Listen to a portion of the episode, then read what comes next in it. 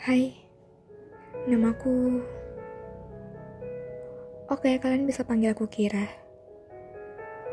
Umurku sekarang 24 tahun, dan tahun depan umurku 25. Dulu, aku pernah punya cita-cita pengen nikah muda. Kenapa?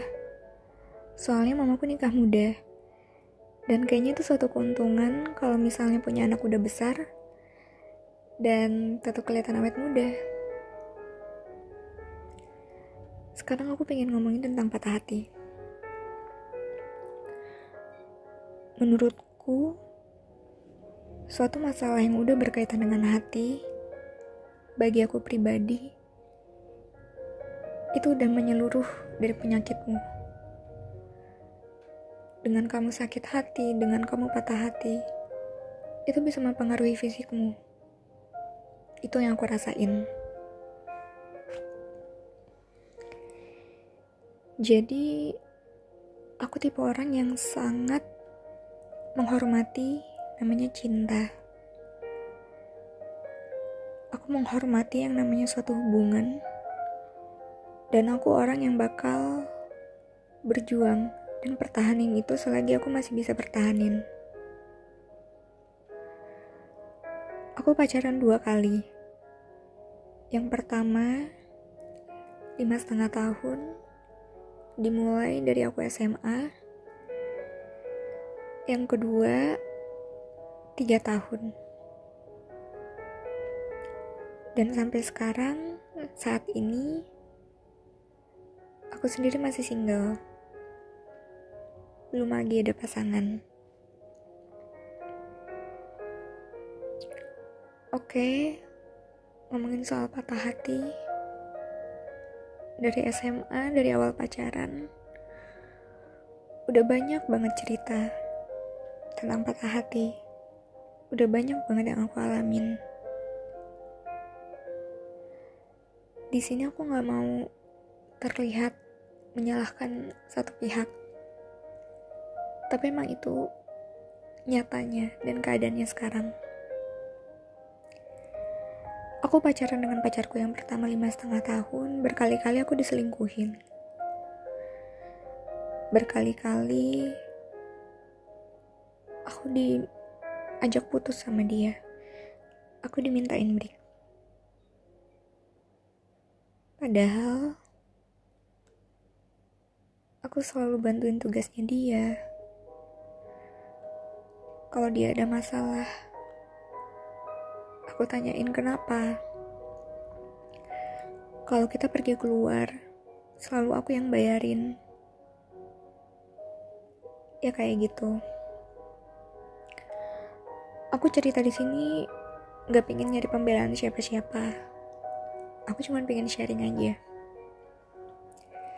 Barangkali ada yang punya pengalaman sama kayak aku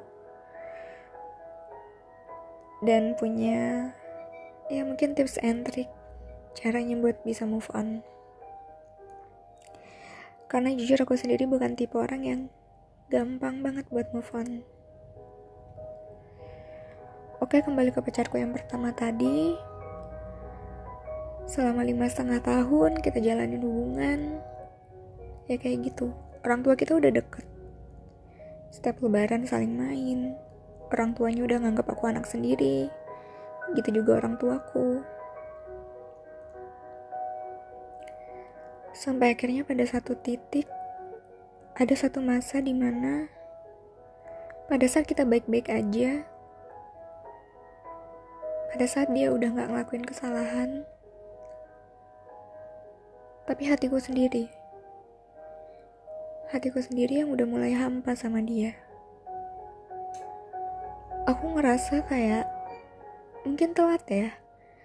Aku ngerasa kayak selama ini udah cukup aku perjuangin dia. Selama ini udah cukup aku jadi bodoh buat dia. Dan saatnya aku harus lepas dari dia. Akhirnya untuk pertama kalinya dalam lima setengah tahun hidupku sama dia aku mutusin dia aku mutusin dia dengan alasan perasaanku sama dia udah berubah yang kemungkinan besar dikarenakan kesalahan-kesalahan diri masa lalu. Setiap kali dia minta aku putus, setiap kali dia minta break, setiap kali dia ngelakuin kesalahan, setiap kali dia selingkuh, aku punya feeling yang kuat. Feelingku kuat banget kalau soal pacar.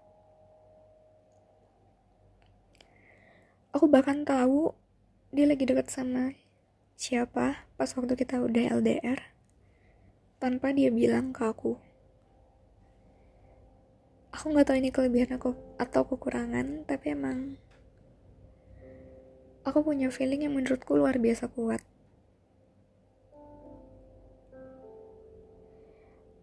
akhirnya dia menerima kata putusku sambil dia juga minta maaf sama apa yang udah dilakuin ke aku dulu-dulu sama kesalahan-kesalahan dia yang dulu.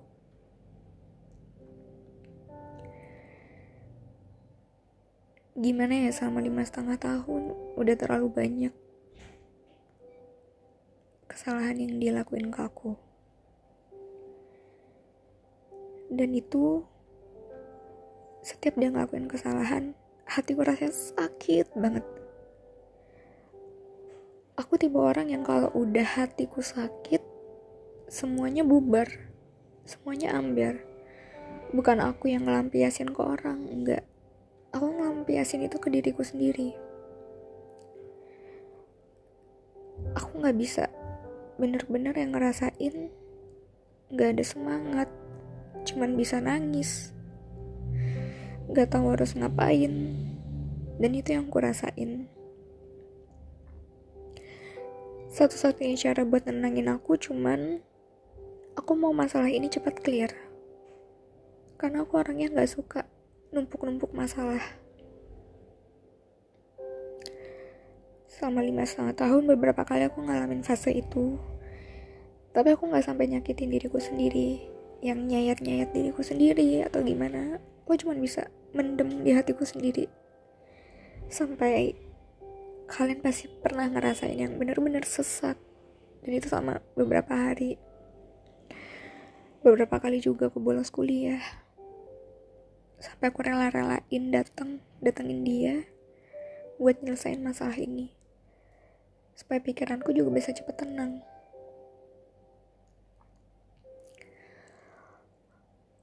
oke kita anggap yang pertama udah selesai.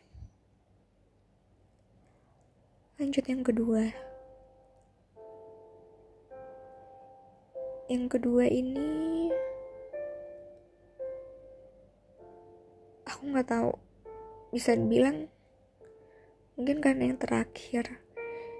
Dan menurutku ini yang paling membekas. Aku ngejalanin hubungan sama dia tiga tahun lebih. Satu bulan mungkin. Dan gitu juga orang tua kita udah pernah ketemu. Orang tuanya udah nganggap aku anak sendiri. Tapi dia emang orang yang cuek banget cuek banget. Perlakuan dia ke aku waktu PDKT pas sama pas udah pacaran itu beda banget beda drastis waktu awal PDKT hampir banget tiap hari bener-bener hampir tiap hari dia ngajakin aku makan keluar dia perhatian kalau aku mau pergi ke mana tanpa aku perlu kode, tanpa aku perlu ngajakin dia, dia langsung nawarin diri. Dan akhirnya setelah pacaran, semua itu berubah. Semua itu berubah dengan alasan dia pengen fokus kuliah. Aku senang, jujur aku senang pas dia bilang dia pengen fokus kuliah. Karena sebelum dia sama aku, dia yang bolos kuliah gak pernah masuk sama sekali bahkan cuma masuk pas ujian doang IP-nya bisa sampai 0, dan aku pas pacaran sama dia emang pingin banget bisa memperbaiki dia. Aku nggak tahu apakah niatku salah apa gimana. Cuman ya selama itu sama kita pacaran aku selalu nyemangatin dia. Dia memang masih tipe orang yang malas banget buat kuliah. Yang kadang aku sampai nyatet jadwal kuliahnya dia. Aku bangunin dia kalau dia mau kuliah. Aku bangunin dia kalau dia mau ujian. Kalau dia ada tugas kalau dia ada tugas aku bantuin tugas-tugasnya dia. Padahal jurusanku sama dia itu jurusan yang sangat berkebalikan.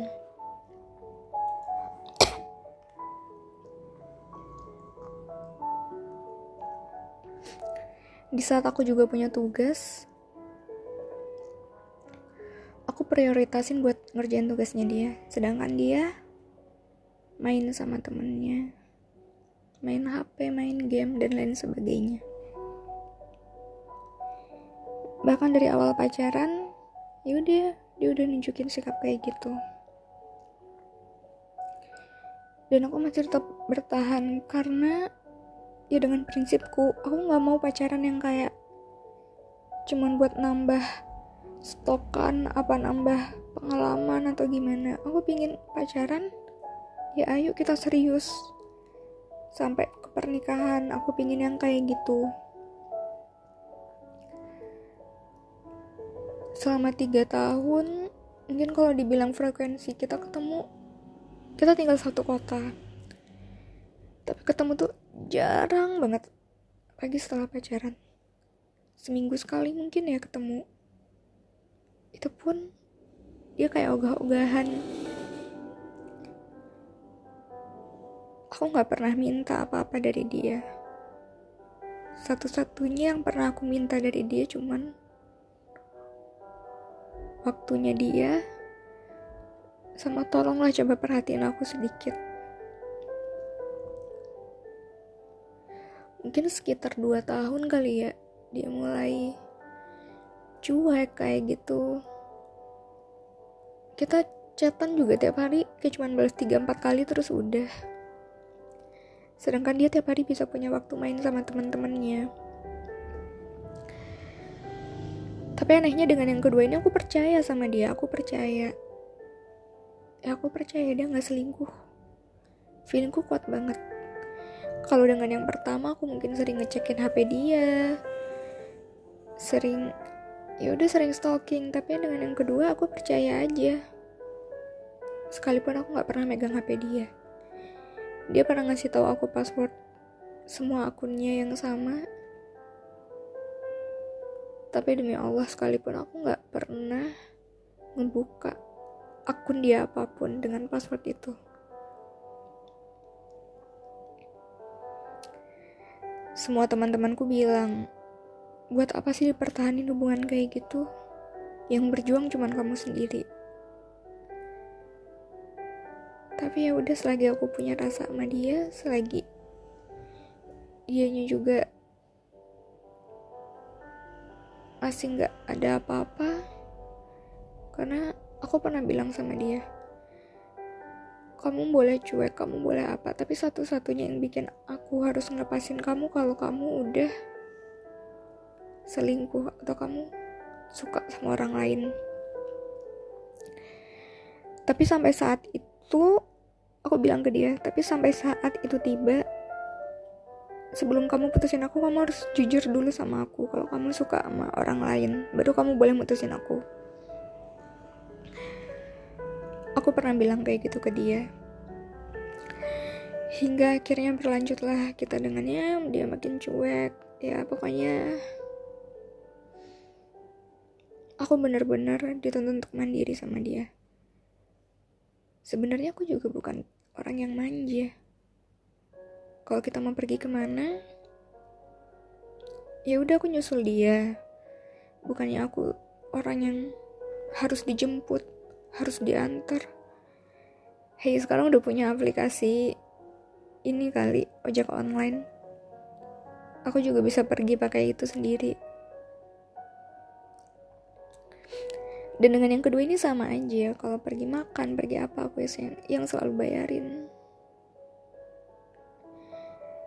Awalnya dia selalu cerita ke aku tentang apa pun tentang teman-temannya tentang keluarganya sampai lama-lama aku ngerasa ada yang berubah sama dia terutama sejak ya lagi-lagi mengenai feelingku. Feelingku dia dekat sama seorang perempuan. Tapi setiap aku tanya tentang perempuan itu dia selalu nyangkal.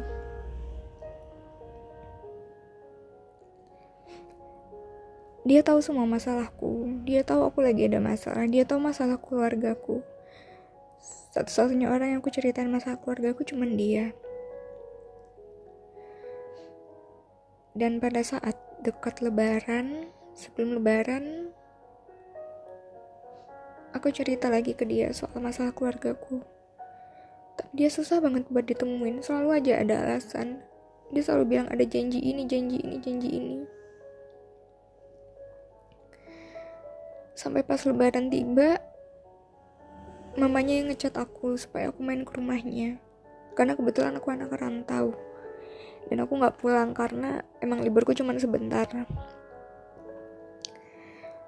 Aku datang ke rumahnya itu pun karena mamanya yang ngundang. Aku datang. Di sana dia setiap aku main ke rumahnya dia cuma main HP main HP main HP ya udah cuman gitu doang. Kita nggak pernah ngobrol. Sakit banget rasanya sakit banget mungkin karena aku udah sesayang itu sama dia aku udah ngorbanin segalanya buat dia. Ya gak mungkin gak segalanya tapi bagiku udah lebih banget ya dari ngerjain tugas. Dari hal aku juga nggak tahu aku setiap aku tanya alasan dia putusin aku setiap aku tanya kesalahan aku apa dia nggak pernah jawab. Setidaknya kalau dia bilang dia nggak suka kalau aku gini gini gini. Oke itu mungkin bisa jadi alasan buatku. Mungkin itu bisa jadi pelajaran buatku untuk ke depannya. Oh aku nggak boleh kayak gini lagi. Tapi enggak. Dia bahkan mutusin aku via chat. Di saat aku ingin memperbaiki hubungan sama dia dia minta break. Aku nggak terima. Sakit banget rasanya.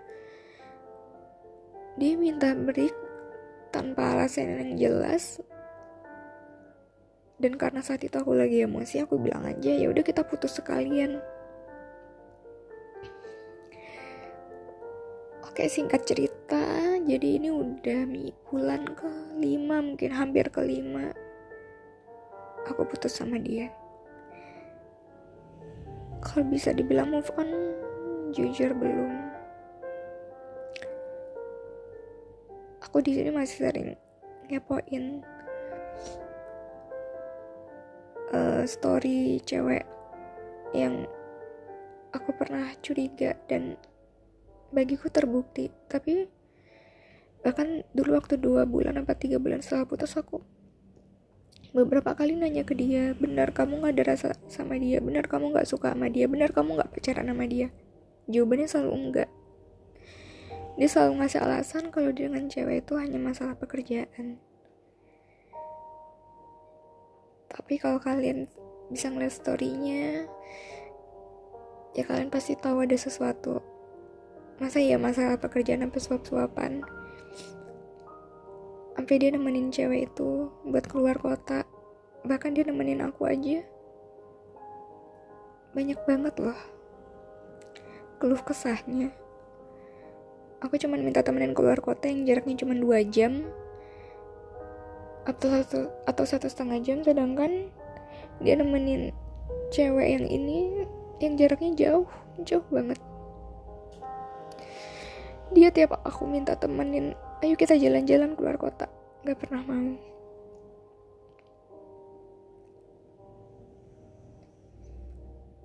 Semua orang kalau tahu cerita ini pasti nyalahin dia tapi aku jujur aku juga nggak nggak suka ngeliat orang yang ku sayang ngeliat orang yang, per, yang pernah ku sayang itu disalahin sama orang lain yang nggak tahu apa-apa.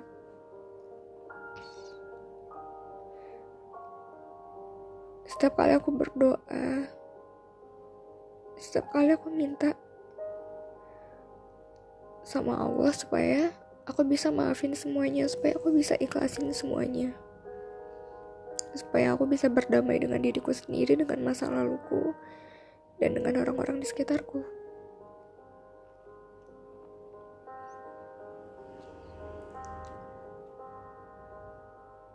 Nyalahin udah gak ada gunanya.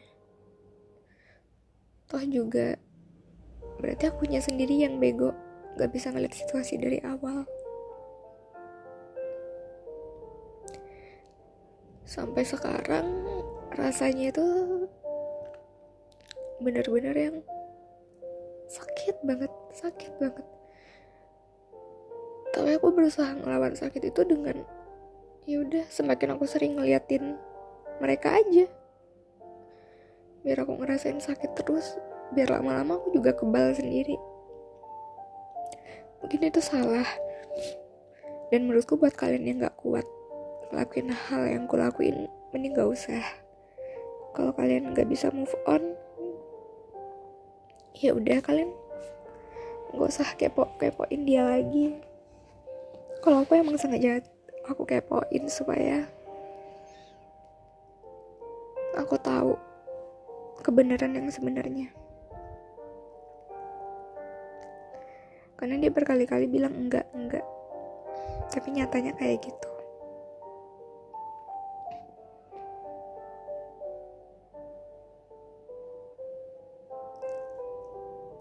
mungkin perasaannya lebih besar sama cewek ini.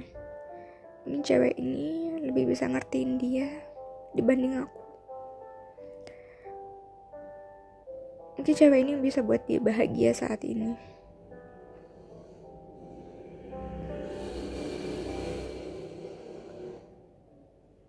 Ya mungkin aku juga cuma butuh waktu buat bisa pulih bener-bener pulih seutuhnya. Dan aku nggak tahu kapan cuma selalu berdoa sama Allah. Minta yang terbaik minta dikuatkan minta dikasih kesabaran. Minta dijadikan diriku yang lebih baik dari sebelumnya.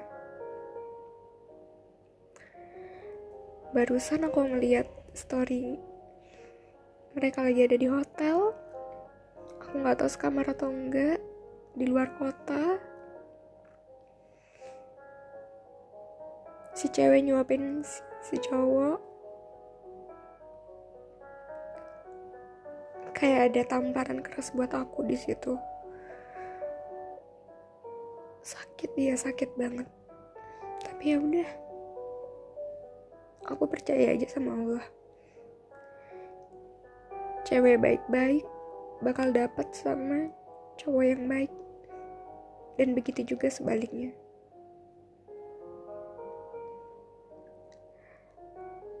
aku cuma berdoa supaya hatiku bisa segera disembuhin. Supaya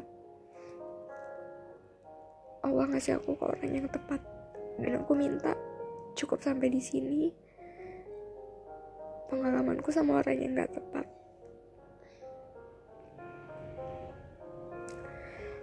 Oke mungkin itu aja dari aku. I wish you a very happy life makasih udah mau dengerin